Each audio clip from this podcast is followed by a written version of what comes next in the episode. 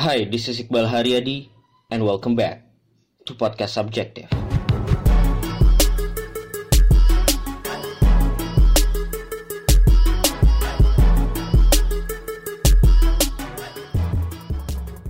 satu Oktober 2020 jam 9 malam gue pengen mulai lagi sekarang eh, mencoba lagi untuk monolog ya monolog uh, terutama random monolog karena gue nggak menyiapkan apa-apa. Um, the last time gue melakukan ini adalah kapan ya? Episode berapa nih? Kayaknya 7 episode yang lalu which is 7 26 Juni Uh, itu pun sebenarnya yang peta usia kehidupan manusia itu pun gue pakai skrip ya. Sebenarnya maksudnya gue mempresentasikan sesuatu tuh sebenarnya jadi nggak random monolog juga. Jadi mungkin buat lo yang dengerin podcast subjektif baru-baru ini um, ya mungkin lo ngelihat uh, list dari episode-episode podcast subjektif kebanyakan adalah interview dan juga apa ya kayak sebuah bahasan yang bermanfaat lah gitu kayak faedah banget lah pokoknya podcast subjektif itu sangat inspiring buat anak-anak muda yang ingin mengembangkan diri ya kan? Tapi um, sebenarnya kalau lu adalah pendengar baru ya mungkin lu belum lu kalau nge-scroll sampai bawah sebenarnya podcast subjektif itu justru awalnya adalah random monolog. Dan gue udah lama tidak melakukan itu dan pengen melakukan lagi malam ini dan alasannya adalah karena sekarang gue lagi minggu ini gue lagi sendiri di rumah. Jadi uh, istri dan anak gue ke Bandung. Uh, ke rumah mertua gue di Bandung. Karena pengen refreshing aja. Uh, udah berapa? Udah tujuh bulan berarti kita di pandemi ini dan ya mungkin istri gue penat juga kali ya.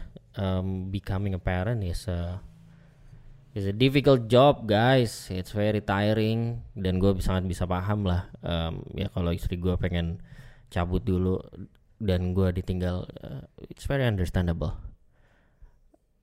But the point is tadi balik lagi ya soal monolog. Um, oh oke okay, disclaimer dulu mungkin kalau lo dengerin sampai sini, this will be a random karena gue tidak menyiapkan poin apa pun dan gue pengen mencoba lagi latihan lagi untuk apa ya wandering around terus kayak membiarkan gue ke sana kemari uh, membiarkan monkey brain gue lompat ke sana kemari dan gue coba menangkap dan coba menjahit satu persatu apa ya yang bisa menjadi bahasan dan menjadi sesuatu yang bisa jadi obrolan gitu. Karena menurut gue itu skill yang sulit banget ya ditemukan sekarang dan gue ngerasa itu sebenarnya skill yang keren gitu. Gue juga kayak setelah gue pikir-pikir lagi dan gue ngelihat sekarang kan podcast lagi trending banget ya. Kayak semua orang bikin podcast bahkan kayak ya yeah, in the last one year I think the industry grow very fast and very very good juga. Maksudnya gue juga kecipratan gitu kan sebagai seorang pemain podcast. Karena podcast jadi trending ya kerjaan-kerjaan terkait podcast juga makin banyak gitu. And it's a good thing cuma kalau lo lihat sebenarnya podcast yang monolog yang bagus dan enak didengar gitu. Atau mungkin enak didengar is very subjektif ya. Maksudnya tiap orang akan berbeda-beda. Apa yang enak didengar definisi enak didengar tuh akan berbeda-beda. Tapi podcast yang monolog banget yang bener-bener monolog terus orangnya ngomong mungkin setengah jam satu jam dan dan atau durasi lainnya itu sebenarnya sangat jarang. Karena susah. Gue juga baru sadar susah. Dulu gue melakukan itu dan dan bisa gitu. Sekarang kayaknya susah banget. Dan setelah gue kulik-kulik ya kayaknya memang susah karena ya lebih gampang lu ngobrol sama orang kan. Lu kalau ngobrol sama orang kan lu bisa tektokan. Ketika lu ngelempar sesuatu ya orang masih feedbacknya ngasih jawabannya terus di waktu dia ngasih jawaban itu lu bisa punya waktu untuk berpikir. Apalagi feedback yang lu lempar balik ke dia gitu kan. Tapi kalau lu ngobrol sendiri ya lu aja ngulik-ngulik otak lu sendiri terus kayak keluarin terus lu harus bisa in control tahu apa yang habis lu omongin and then try to jahit lagi ke poin berikutnya jahit poin berikutnya dan seterusnya. And I think it's a wonderful skill. Doesn't mean interview is not great ya tapi kayak monolog lu bisa ngomong satu jam itu ternyata parah sih gue juga nggak nggak membayangkan gue dulu bisa ngomong satu jam kayak gitu. Gue kan dulu kalau episode episode gue yang lama gue bahas satu topik gue bisa ngomong satu jam dan mostly tuh gue emang wandering around aja dengan kepala gue gitu. Adalah poin-poin yang gue tulisin tapi nggak banyak gitu. Jadi bener-bener kayak gue mau ngomong ini satu poin satu dua satu dua tiga and then gue uh, ya udah ngobrol aja gitu.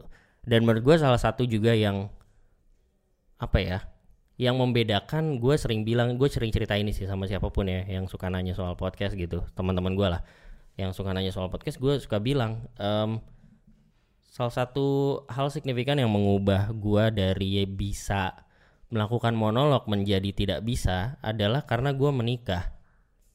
Buat gue menikah itu uh, membuat gue jadi punya perspektif yang lebih permisif terhadap banyak hal. Gue tuh jadi lebih banyak toleransinya gitu.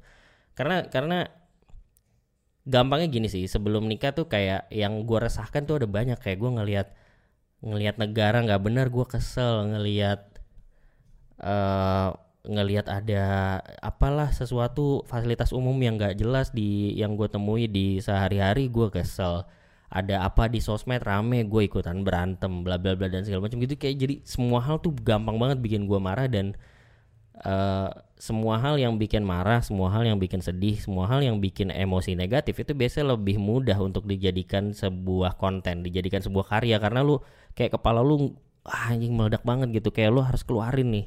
Dan keluarnya tuh jadi lebih lancar gitu. Gue tuh proses-proses produktif menulis tuh biasanya abis kalau dulu ya abis galau gitu kayak abis sedih abis sakit hati itu lebih gampang bikin sesuatu gitu. Dan biasanya hasil lebih bagus karena emang uh, karya yang bagus itu kan berasal dari keresahan ya. Dan keresahan itu akan kerasa kalau emang lu ada masalah gitu. Kalau banyak hal membuat lu resah membuat lu marah membuat lu sedih gitu.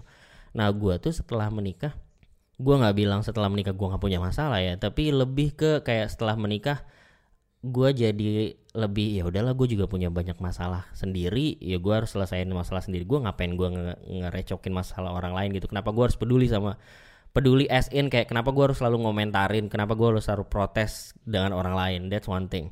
Terus second thingnya adalah ya gue jadi lebih permisif gitu. Kayak karena gue tahu oh kehidupan yang sebenarnya nih maksudnya setelah menikah kan jadi kayak lebih tanggung jawabnya lebih kerasa gitu kan ya gue jadi bisa lihat oh ternyata kalau ada orang yang melakukan hal-hal yang mengesalkan meskipun itu salah misalnya ya gue juga jadi bisa oh ya mungkin dia adalah seorang bapak yang lagi bekerja buat anaknya.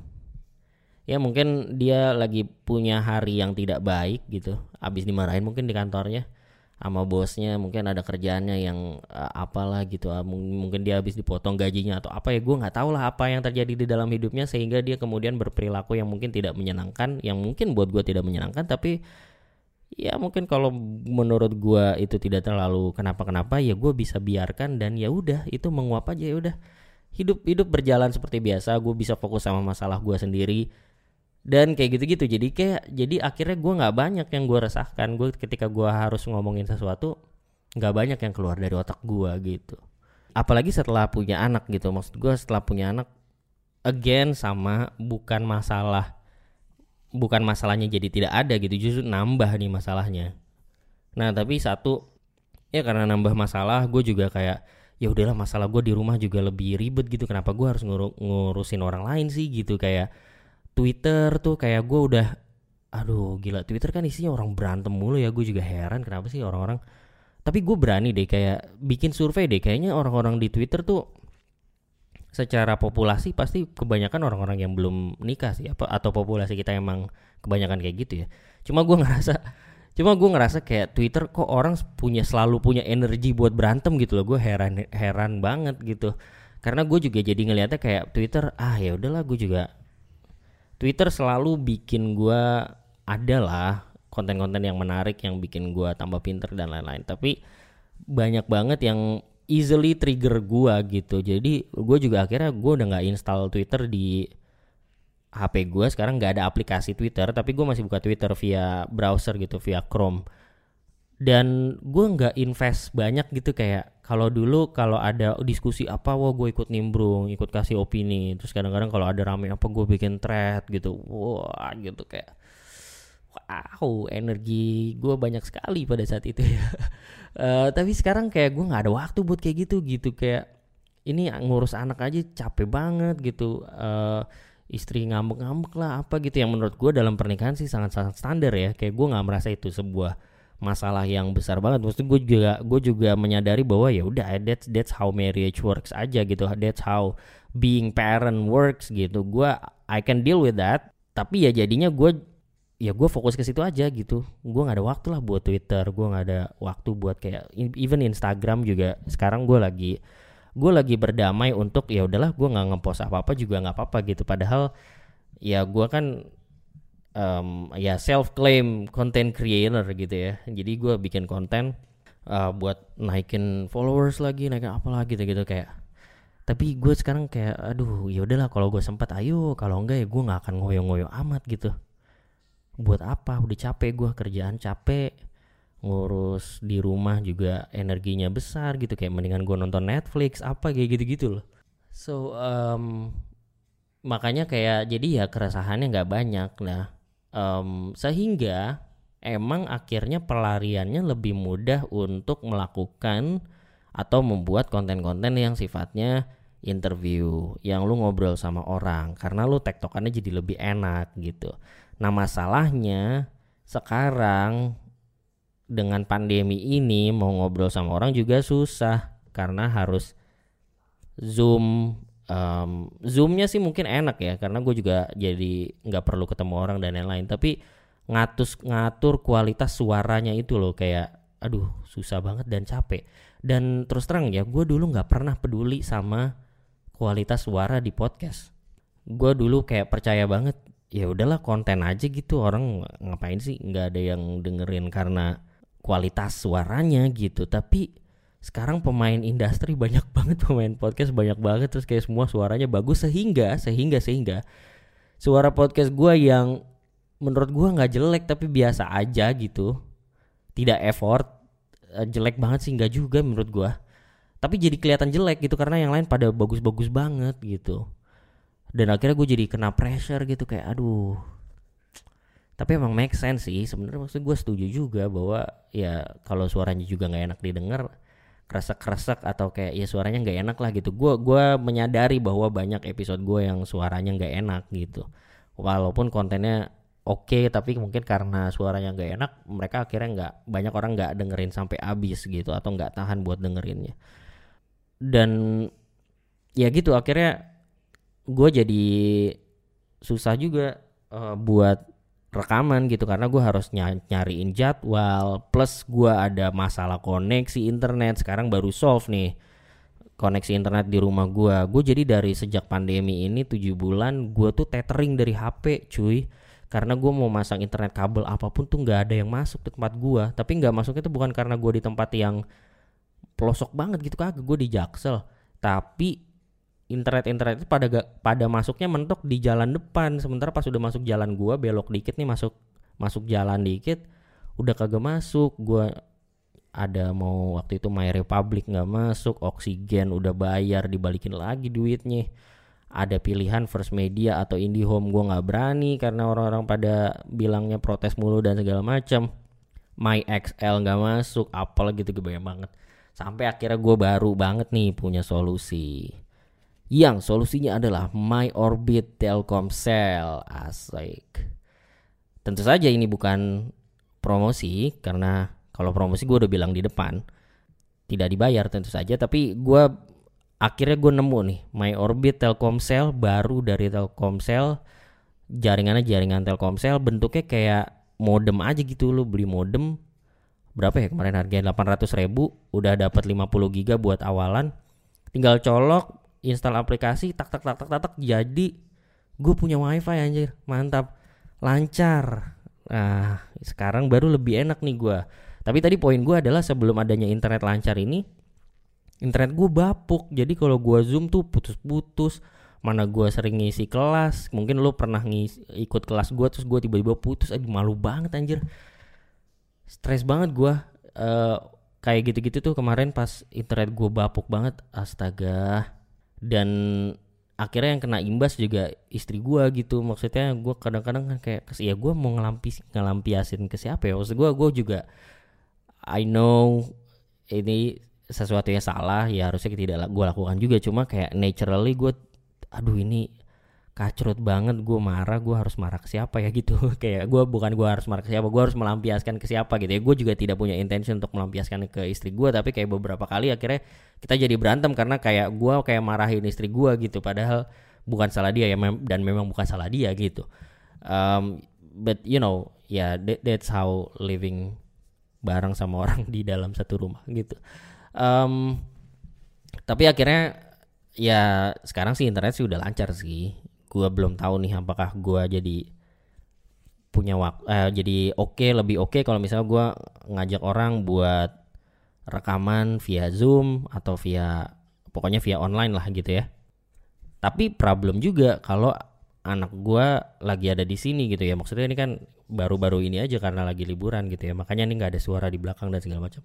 Cuma kalau lagi ada anak gue ya harus siap-siap kalau misalnya tiba-tiba mungkin anak gue tidur terus anak gue bangun ya tiba-tiba dia keluar ada di sini ngeracau atau mau naik ke kursi juga mau apa di pangku sama gue ya akan masuk juga gitu suaranya jadi nggak kondusif juga. Ya rumah gue sih saat ini belum ada ruangan jadi uh, belum ada ruangan khusus gitu kayak misalnya studio atau apa gitu yang satu ruangan khusus bisa gue pakai buat kerja aja gitu atau buat jadi studio tuh belum ada. Gue sekarang uh, workspace gua itu di ruang tengah nih di ruang tengah ada ada TV uh, eh, buat nonton sama ruang keluarga lah gitu ya. Uh, common room jadinya. Jadi kalau anak gua ke sini ya sebenarnya gue juga nggak bisa gimana gimana ya gitu. Gitulah kehidupan on eh kehidupan virtual ini di tengah pandemi ini jadi berpengaruh juga ke kehidupan konten kreator gue mungkin karena kalau ya kalau misalnya normal kan jadinya sebenarnya cari waktu buat bisa ketemu sama orang terus kita rekaman gitu kan. Tapi kalau kayak gini jadinya harus virtual meeting tapi virtual meeting pun dia harus dikondisikan juga dengan kondisi di rumah gitu. Gue juga nggak tahu orang uh, maksudnya orang-orang yang pengen gue aja ngobrol ini mereka kondisinya gimana dan wah ribet lah gitu. Gue kadang-kadang ya uh, ya lebih masalah waktu sih gitu. Jadi kayak gue ya udahlah mungkin ini fase emang gue lebih nyantai aja gitu. Kalau bikin konten dan lain-lain ya gitu. Karena ya lagi jadi lagi jadi lagi jadi bapak kerja uh, maksudnya kerja juga jadi seorang bapak dan suami um, jadi ya lebih slowing down aja gitu. Plus plus oh ya nih ini mungkin lu kalau yang dengerin nah sekarang gue udah pakai mic baru nih sedap. Setelah gue memakai alat yang sama Tascam DR40 itu dari tahun tahun berapa ya? Kayaknya 2016 kali ya. Gue pakai itu kayaknya dari 2016 gue nggak pernah ganti alat apa pun gue nggak pernah beli alat apa pun. Yang lain yang gue pakai hanya itu aja. Sampai sekarang gue beli mic baru namanya Blue Yeti. Mic Blue Yeti lu cari aja di Tokped. Uh, bentuknya sih lumayan gede gitu um, tapi enak dia USB jadi colok laptop terus ya udah gue nggak perlu nyeting apa-apa gitu gue tinggal rekaman aja dan suaranya jadi oke okay. gue um, ya gue suka banget sih suaranya gue nggak tahu ya gue nggak pernah dengerin lagi gue di maksudnya gue ngeplay gue di Spotify itu gue udah nggak yang ngapain juga gitu plus plus sekarang kalau masalah editing gue lagi dibantu nih ada satu teman gue yang bantu ngedit jadi gue juga nggak pernah ngedit belum ngedit lagi belum ngedit uh, podcast gue lagi jadi yang ngedit adalah orang lain. Gue nggak tahu suaranya kayak gimana tapi ini kan karena gue pakai monitor sih uh, headphone monitor juga kan jadi suaranya sih enak banget. Nah yang gue masih belajar lu sebenarnya gue kan napas pakai hidung ya. Lu juga napas pakai hidung sih kenapa gue harus highlight itu ya. Cuma poin gue adalah kan gue ngobrol nih gue ngomong. Terus kalau gue napas pakai hidung nah kayaknya masih masih masuk di suara-suara napas gue yang gitu. Masuk gak sih masuk kan ya. Nah itu tuh gue masih belum tahu gimana cara ngakalin ya maksud gue kan gue napas pakai hidung ya. Terus gue ngatur supaya gue nggak napas gimana tapi gue ngomong kan susah.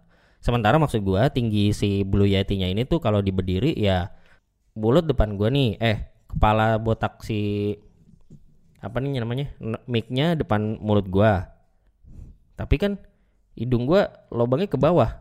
Apa sih ini? Kenapa gue deskripsi nih tapi semoga lu kebayang ya ini kan nih ini kan kepala depan mulut gue nih ya kan? Ini di atas meja nih si apa si micnya di atas meja berdiri kepala botaknya depan mulut gue nah tapi hidung gue kan lubangnya ke bawah jadi kalau gue napas tuh gitu.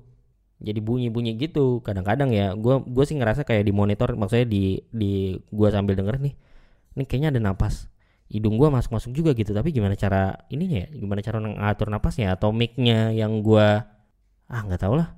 Itu kalau nyari di YouTube apa ya? How to manage your mic so your breath from your nose doesn't get into the sound. Gitu kali.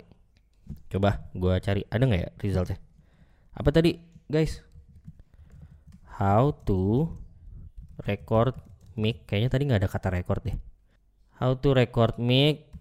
So your breath from your nose doesn't get into your recording. Coba kita lihat ya results ya. Video paling gue bacain tiga video paling atas dengan keyword how to record mic. So your breath from your nose doesn't get into your recording. Kita lihat apa tiga judul video YouTube teratas dari result keyword ini. Oke, video paling atas. Recording tip, how to ease your breathing. Dalam tanda kurung Match Pro. Wow. Wah, gila YouTube anjir langsung hasilnya tuh resultnya sesuai. Terus terus bawahnya adalah video kedua judulnya Eliminate Breathing Noise Recording. Nah, yang ketiga top 3 ways to reduce mouth sound on mic. Yang keempat dealing with breathing and pop sounds in your recording. Anjing beneran ya. Uh, ya, ya gue nggak pernah baca yang gini-gini nih. Eh nonton maksud gue. Ntar gue nonton deh.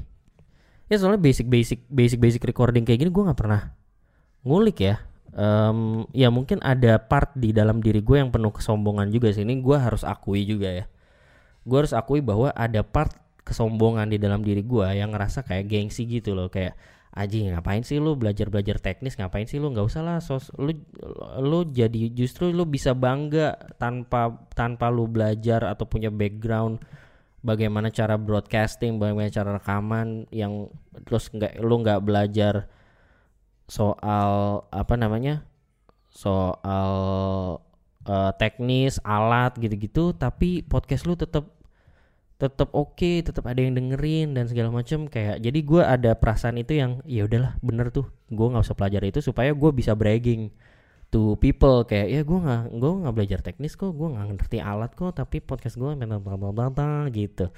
Dan menurut gue itu yang jadi menghalangi gue sih sebenarnya ya setelah gue pikir-pikir lagi. Uh, maksudnya menghalangi gue dari kalau gue pelajarin ini tuh sebenarnya tidak menurunkan harkat martabat gue gitu. Justru kayak bikin gue jadi podcaster yang lebih yang lebih skillful ya gue jadi punya skill beneran gitu. Dan akhirnya gue juga ya gitulah. Mungkin karir podcast gue salah satunya terhambat salah satunya karena itu ya. Karena kesombongan itu karena gengsi itu tidak mau belajar dan lain-lain.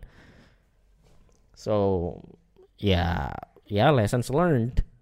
Uh, ya itu yang gue pelajari aja. Jadi ya mungkin next sih gue nggak terlalu gengsi ya. Karena karena kayak kemarin gue jadi tamu uh, jadi salah satu yang diajak sama Mr. Popo buat ngisi kelas podcast si berkreasi terus si kelas podcast ini uh, diproduksinya serius banget nih sama Mr. Popo, Mas Rane. Terus ada Tio Box to Box, ada Pradipta, ada dulu Inspigo kayaknya sekarang udah enggak. Um, produksi kelasnya serius, terus secara otomatis gue juga di jadi ter apa ya tertantang untuk serius gitu. Maksudnya uh, ya rekaman lu ada mic nggak? gitu. Lu pakai mic gitu. Terus kayak uh, backgroundnya nanti yang ini ya yang uh, backgroundnya putih aja terus rekaman dulu dan segala macam. Um, ya gue jadi wah gila nih serius nih gitu. Dan resultnya juga oke okay, gitu. Maksud gue dengan dibikin secara serius bukan hanya kontennya saja gitu kayak ber, berdalih bahwa ya deh yang penting kontennya tapi kayak teknis nggak diperhatiin. Um, ternyata ketika teknisnya diperhatiin juga ya resultnya jadi bagus juga gitu. Terus kemarin gue sempat juga ngajuri sebuah lomba podcast sama uh, juri satunya lagi tuh uh, Dera podcast teman tidur. Dan gua uh, kemarin sempat teleponan terus Dera dengan baik hatinya ngajarin gua soal teknis.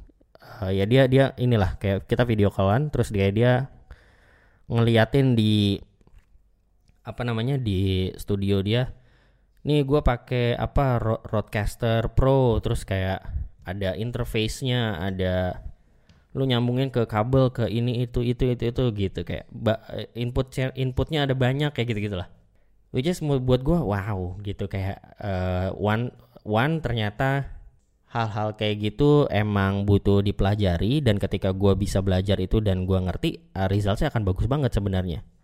Uh, dan kedua orang-orang pada baik-baik banget ya gitu. Maksud gue wah gila sih. Uh, Dera gue pernah ketemu sekali aja. Terus selain itu kayak kita chat-chat aja dan itu pun jarang banget sebenarnya. Tapi dia dengan baik hatinya mau share mau bahkan dia sempat kayak lu pinjem aja deh gue kirimin ke lu nih. Gue punya alat zoom H6 gue kirimin ke lu aja lu coba pelajarin dulu dan segala macam. Gue malah kayak anjir jadi beban. Maksudnya gue takutnya itu kebaikan hati yang luar biasa. Cuma gue takutnya dikirim ke gua tapi gua malah nggak pakai karena gua nggak mau ribet jadinya malah ngerepotin gitu. Maksudnya bukannya gua menolak itu ya dan kemarin sempat kita ngobrol juga kayaknya uh, kita bisa deh bikin collab collab apa gitu di podcast di podcastnya Dera gitu. Uh, ntar gue garap deh. Gitu. Apa ya terus apa lagi? Nah terus nih karena ngatur napas juga gue jadi kayak suka kayak gue kan nah, kayak nahan napas gitu ya jadi kayak napasnya bah, gitu. Ya gitulah akhirnya juga podcast gue um, mencoba hal baru juga nih kan beberapa episode terakhir gue mencoba hal baru. Gue coba uh, ah gue coba deh. Jadi gue itu lagi suka dengerin audiobook. Dan gue merasa kayak tren audiobook nih belum terlalu oke okay di Indonesia. Dan sebenarnya pertanyaannya bisa jadi juga apakah akan oke? Okay karena emang sebenarnya orang nggak suka baca buku aja gitu ya. Jadi ketika ada audiobooknya pun belum tentu orang tertarik sih. Tapi ya gue gue ngerasa bahwa culture audiobook itu sangat revolusioner sih sebenarnya ya karena orang biasa baca buku terus mungkin kalau di US misalnya ya Amazon kan merevolusional merevolusi industri buku lah di di US gitu ya Awalnya tentu dengan Amazon kan pada awalnya dia e-commerce khusus buat buku aja. Kalau untuk yang belum belum tahu sebelum dia sekarang jadi kayak e-commerce semua hal gitu, awalnya dia justru fokusnya di buku aja gitu. Dia pengen jadi toko buku yang paling lengkap lah sedunia gitu. Uh, terus dari sana dia uh, dia merevolusi industri buku jadi sesuatu yang apa ya orang tuh beli buku jadi gampang banget um, koleksinya juga lengkap banget dan langsung diantar ke rumah lu gitu kan dan harga lebih murah dan segala macam gitu karena online um, mereka kan mulainya dari tahun berapa ya 98 kali ya kalau nggak salah gue secara time frame Amazon tuh mulainya tahun berapa ya? Coba kita cari. Amazon start what year? Tuh ada ini kan ada napas gue kan. Uh, Amazon mulai 94 oke. Okay. Amazon mulai 94 uh, eh, jualan buku dulu terus uh, fast forward. Setelah jualan buku semua orang jadi beli bukunya di di Amazon gitu ya. Kayak uh, berapa persen orang yang beli eh orang di US yang beli buku belinya di Amazon. Kemudian mereka mereka bikin yang namanya Kindle. Tahun 2007 jadi tahun 2007 Amazon bikin sebuah device yang namanya Kindle. Dan pada awalnya ini juga sesuatu yang internally mereka debate juga gitu. Karena mereka industri buku ya industri buku kan jualan buku gitu. Maksudnya ketika mereka bikin produk baru yang bentuknya digital apakah itu justru akan mengkab mengkab mengkanibalkan produk mereka yang sebelumnya yang adalah buku cetak gitu? Apakah ketika gua bikin produk digital malah akan membunuh produk gua yang sebelumnya yang konvensional gitu? Jadi ini sebuah taruhan yang cukup besar sebenarnya. Lompatan lah gitu ya lompatan keyakinan yang cukup besar gitu. Dan pada akhirnya ternyata pay off kan ketika mereka bikin uh, Kindle sebuah device untuk khusus untuk baca buku gitu ya orang-orang jadi jadi banyak yang pakai Kindle gitu. Dan revolusinya bukan hanya device sebenarnya tapi karena dengan device itu harga buku yang bentuknya e-book itu jauh lebih murah.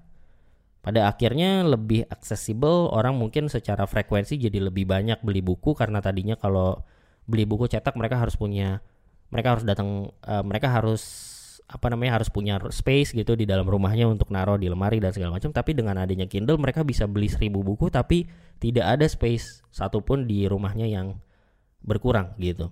And it's really revolutionize apa sih? It's really revolutionary. Nah itu dia kata yang gue cari. Revolutionary and then after that setelah Kindle what they do adalah Amazon acquire apa sih namanya Audible. Nah, ada perusahaan namanya Audible. Audible ini adalah audiobook seller, penjual audiobook yang kemudian diakuisisi seharga 300 juta dolar. Nah, gua akhirnya belakangan ini gua dengerin buku dari Audible. Jadi audiobook itu kan intinya sebenarnya konsepnya adalah buku yang ada buku tulisan dibacain gitu. Nah, buku-buku so far sebenarnya gue udah baca mungkin kayak lebih dari tujuh uh, buku di Audible audiobook gitu ya. Experience itu menyenangkan ketika sebuah buku dibacakan oleh penulisnya. Karena biasanya penulisnya itu punya karena dia yang nulis, dia tahulah uh, bagian-bagian mana yang perlu ditekankan, bagian-bagian mana yang perlu di apa ya, emosinya lebih di dinaikin diturunin dia tahu tuh intonasinya lebih inilah lebih dapat gitu. Meskipun memang uh, skill membaca buku itu juga skill yang berbeda dari skill menulis ya. Maksudnya nggak semua penulis buku pasti bisa membacakan bukunya dengan baik dan enak gitu. Makanya ada beberapa penulis buku yang audiobooknya itu dibacakan sama voice over profesional gitu. Kayak yang terakhir gue capek banget gue gimana ya caranya napas? Ntar abis ini gue tonton tuh yang YouTube itu capek gue anjir. Gimana sih caranya rekaman napas pas rekaman gitu supaya bunyi hidung gue nggak masuk masuk gitu. Lo kalau aduh capek banget gue tapi aja soalnya jadi nahan napas gitu terus kayak gue nggak napas. Aduh capek aduh. Bentar ya gue napas dulu. Gimana ya orang-orang itu ya? Kalau modelan kayak ya micnya harus mahal kali ya atau micnya harus ada standnya gitu supaya bisa diatur gitu kali ya. Ya anyway um, ya jadi karena gue terakhir itu lagi baca lagi dengerin sebuah buku namanya Netflix No Rule Rule. Jadi cerita tentang culture-nya Netflix penulisnya adalah Reed Hastings dan satu seorang lagi ghostwriternya gue lupa siapa namanya bukan ghostwriter sih sebenarnya uh, penulisnya si orang itu Reed Hastings ini CEO-nya Netflix jadi dia cerita tentang um, culture-nya Netflix lah gitu. Bagaimana Netflix sebagai perusahaan punya culture yang sangat menekankan freedom gitu, yang sangat mempercayai bahwa semakin tidak uh, kalau semakin tidak ada aturan yang terlalu mengikat karyawan, uh, justru mereka akan lebih inovatif gitu. Uh, tesisnya kurang lebih kayak gitu, tapi kayak nggak nggak juga tiba-tiba perusahaan Netflix nggak punya policy dan lain-lain ya. Uh, ada ada panjang lah ceritanya nanti mungkin kayak di episode lain atau ya lu dengerin sendiri atau baca sendiri. Tapi poinnya si buku ini yang nulis Reed Hastings, tapi yang bacain bukan Reed Hastings, yang bacain kalau dari suaranya sih seorang bapak-bapak tapi gue nggak tahu siapa. Ada disebut sih, tapi gue nggak inget namanya, obviously. Dan um, awalnya pada awalnya mungkin seper berapa ya, seper seper sepuluh buku gitu. Gue nggak terlalu ngerasa nyaman karena gue gue tahu suaranya Reed Hastings. Maksudnya gue nonton beberapa interviewnya di YouTube dan lain-lain. Dan gue sih sangat berharap sebenarnya ini dibacakan oleh dia gitu ya. Tapi mungkin dia malas juga ya. Namanya CEO sibuk orang bisnis juga gitu bukan orang ini ngapain gue bacain buku gue gitu. Ngabis-ngabisin waktu aja. Tapi on the other uh, example kayak misalnya bukunya bukunya James Clear Atomic Habit. Yang bacain James Clear juga it's really really nice to listen. Karena dia yang nulis dia yang baca it's exactly like kayak lu ngobrol sama orang ya gitu. Gue selalu ngerasa kalau gue pernah kayaknya pernah bahas di beberapa episode yang bahas buku ya. Gue selalu ngerasa ketika gue baca buku, gue tuh lagi ngobrol sama penulisnya. Nah, ketika gue dengerin audiobook yang dibacakan oleh penulisnya, it's exactly the experience yang gue rasakan ketika gue baca buku. Jadi gue kayak, wow, gue lagi ngobrol langsung nih sama orang ini sama si James Clear. James Clear lagi cerita sama gue semua ide-idenya tentang Atomic Habit, and it's really really fun. Gue suka banget. Termasuk kayak sebelumnya yang yang pertama kali bikin gue mind blown atau bikin gue tertarik lagi sebelum sebelumnya gue dengerin audiobook juga tapi bikin gue tertarik lagi dan lanjut lagi dengerin audiobook adalah ketika gue dengerin audiobooknya Kevin Hart yang judulnya adalah aduh gue lupa lagi judulnya adalah coba Audible Where Are You gue buka HP gue dulu Audible dari Kevin Hart judulnya The Decision. The Decision. Lo harus dengerin sini lucu banget lo kayak dengerin. So it's actually a motivation book uh, buku motivasi yang nulis Kevin Hart stand up comedian tapi dia bacainnya juga kayak ya kayak lagi bawain stand up gitu. Gue rasa uh, terdengarnya pun sebenarnya materi-materi uh, materi-materi bukunya itu bab-babnya gitu ya ya kayak dia nulis materi stand up gitu dan gue juga bisa nangkep di banyak bagian dia melakukan improve tuh. Jadi sebenarnya paragrafnya cuma sampai kalimat apa terus dia improve and it's so funny and hil hil hilarious. It's funny and hilarious dan dari situ kayak wow. This experience is so mantap. Gue pengen banget punya buku uh, terus gue rekam ada versi audiobooknya yang gue bacakan dengan lebih ada taste-nya gitu. Kayak kalau lo baca buku mungkin soulnya kan lo yang memberikan soul kepada kalimat-kalimat itu kan. Lo dan otak lo yang memberikan uh, kesan kayak gimana sih kalimat ini dibacakan gitu kayak apakah di sini lagi naik, apakah di sini lagi turun, apakah orangnya lagi bercerita dengan nada yang berapi-api ataukah dia sebenarnya lagi cerita dengan nada yang santai. Nah, tapi kalau audiobook the soul itu bisa lo yang bisa lo yang isi gitu. Jadi bisa gue yang isi dan gue wah gila sih yang bukunya The Decision itu. Itu sih yang bikin gue kayak ah, gue harus gue harus bikin nih gitu audiobook gitu ya. Dari situlah akhirnya gue salah satunya ya gue mencoba dulu nih ini gue lagi belajar juga gitu ya. Gue mencoba dulu uh, mungkin lo lihat di misalnya di empat episode terakhir gue kan nulis juga nih belakangan gue lagi lagi coba nulis lagi di medium artikel-artikel self help gitu atau lessons learned ya artikel-artikel bergaya medium lah untuk learning dan lain-lain gue bacakan juga gitu. Uh, so far sih gue beberapa episode yang udah gue rekam gue masih ngerasa bacainnya masih terlalu kaku tapi gue juga belum tahu di bagian mana gue bisa kayak improve-nya untuk naikinnya supaya nggak terdengar lebay juga maksudnya gue takut ya terdengar lebay juga. Tapi gue juga belajar bahwa sebenarnya tulisan yang paling bagus itu ketika kalau dibacakan tidak awkward. Kalau dibacakan di read aloud gitu ya, uh, dibacakan secara keras. Kalau bahasa apa ya, uh, taj, uh, apa namanya tajwidnya, kok tajwid sih? Bahasa tahsin Qurannya uh, kalau dibacakan dengan jahar gitu ya, itu tidak ter lu bacanya tuh nggak ngerasa awkward gitu. Lu nggak ngerasa kayak dih aneh banget nih gue baca kalimat kok kalimatnya aneh gitu. Nah maksud gue kalau lu bacain dengan keras dan kalimatnya aneh ya kemungkinan besar berarti masih bisa diimprove tuh si kalimatnya. Mungkin kalimatnya masih kurang efektif atau kurang make sense gitu uh, bi jadi bisa dicari format atau bentuk kalimat yang lebih bagus gitu. Kalimat paling bagus adalah ketika dibacakan dengan keras it sounds natural. Itu filosofi gue sih ya uh, meskipun nggak selalu kayak gitu juga. So um, jadinya ya makanya gue lagi coba beberapa tulisan-tulisan yang udah pernah gue buat baik itu dari buku dari medium dari um, mana-mana lah gitu ya yang pernah gue bikin gue bacakan and then ya udah let's see aja nanti kayak gimana gue sambil latihan juga gitu.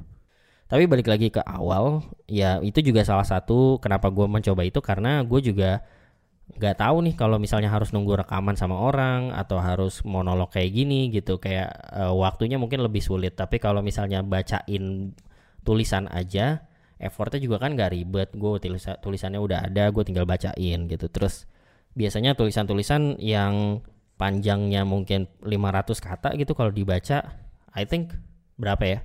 5 menit 7 menit gitu max gitu. Jadi kayak gue rekamannya ya paling 10 menit 15 menit gitu. Jadi lebih lebih efisien aja. Gitu apalagi ya?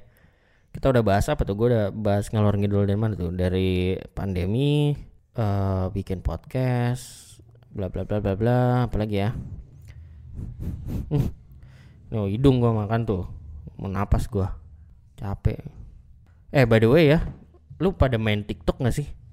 I think TikTok is the purest entertainment form. Nowadays tidak ada sosmed yang entertainmentnya lebih pure lebih murni daripada TikTok. TikTok surganya entertainment sih sekarang gila sih.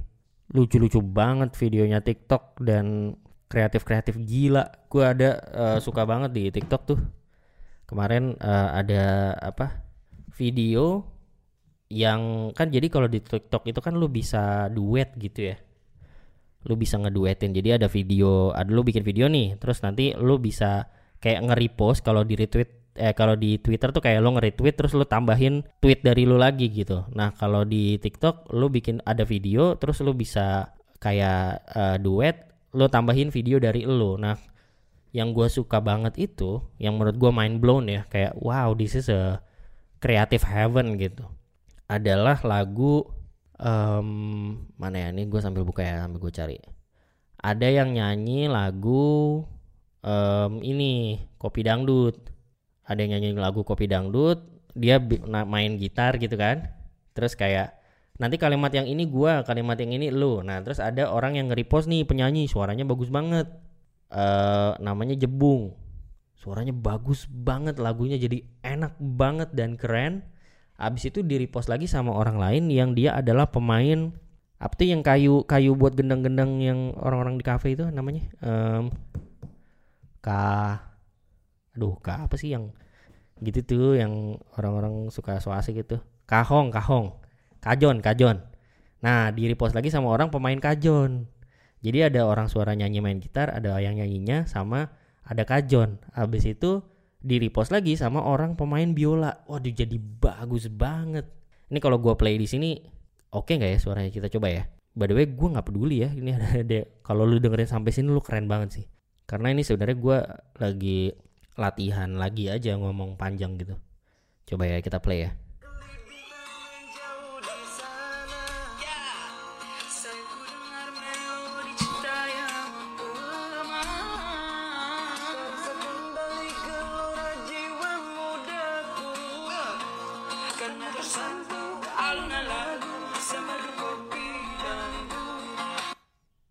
Itu yang penyanyi pertama di duet sama penyanyi keduanya. Sampai situ tuh. Masih panjang sih ini ada kayak satu menitan gitu. Dan bagian-bagian yang menggelitik telinganya masih ada lagi tuh beberapa. Tapi gue mau nunjukin nah berikutnya ini yang habis itu diduetin lagi sama pemain kajong. Apa sih bacanya coy? Ka kajong Ka kahon. Inilah ya. Nih. Kalau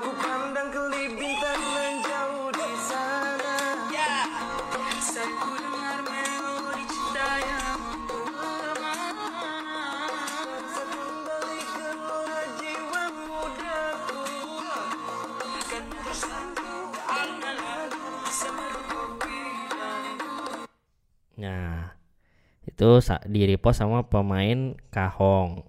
Nah, dilanjut lagi sama pemain biola.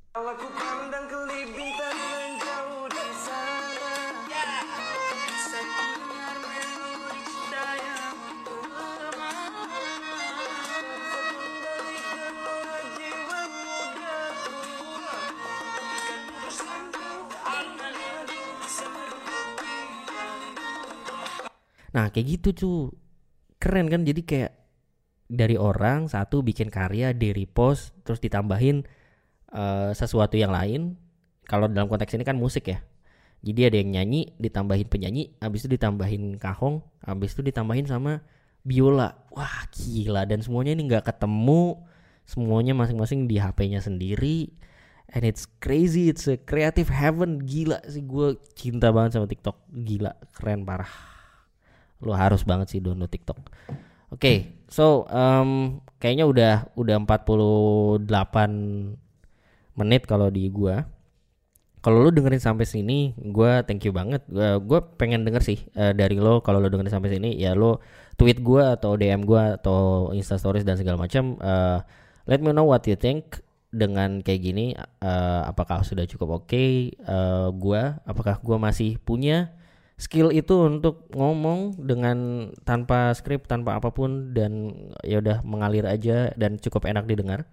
Uh, dan apalagi kalau misalnya enak gitu ya apalagi ide dari lo kira-kira apa ya yang bisa gue bahas dengan cara seperti ini gitu. Gue gue sih gue so far 49 menit itu gue happy gue bisa ngobrol lagi kayak gini. Gue nggak tahu ini enak didengar atau enggak tapi gue nyaman dan gue bisa menyalurkan apa yang ada di pikiran gue gue tadi lagi penat kerja juga karena kerjanya nggak kelar kelar anjir. Tapi dengan kayak gini gue jadi lebih enak lah gitu.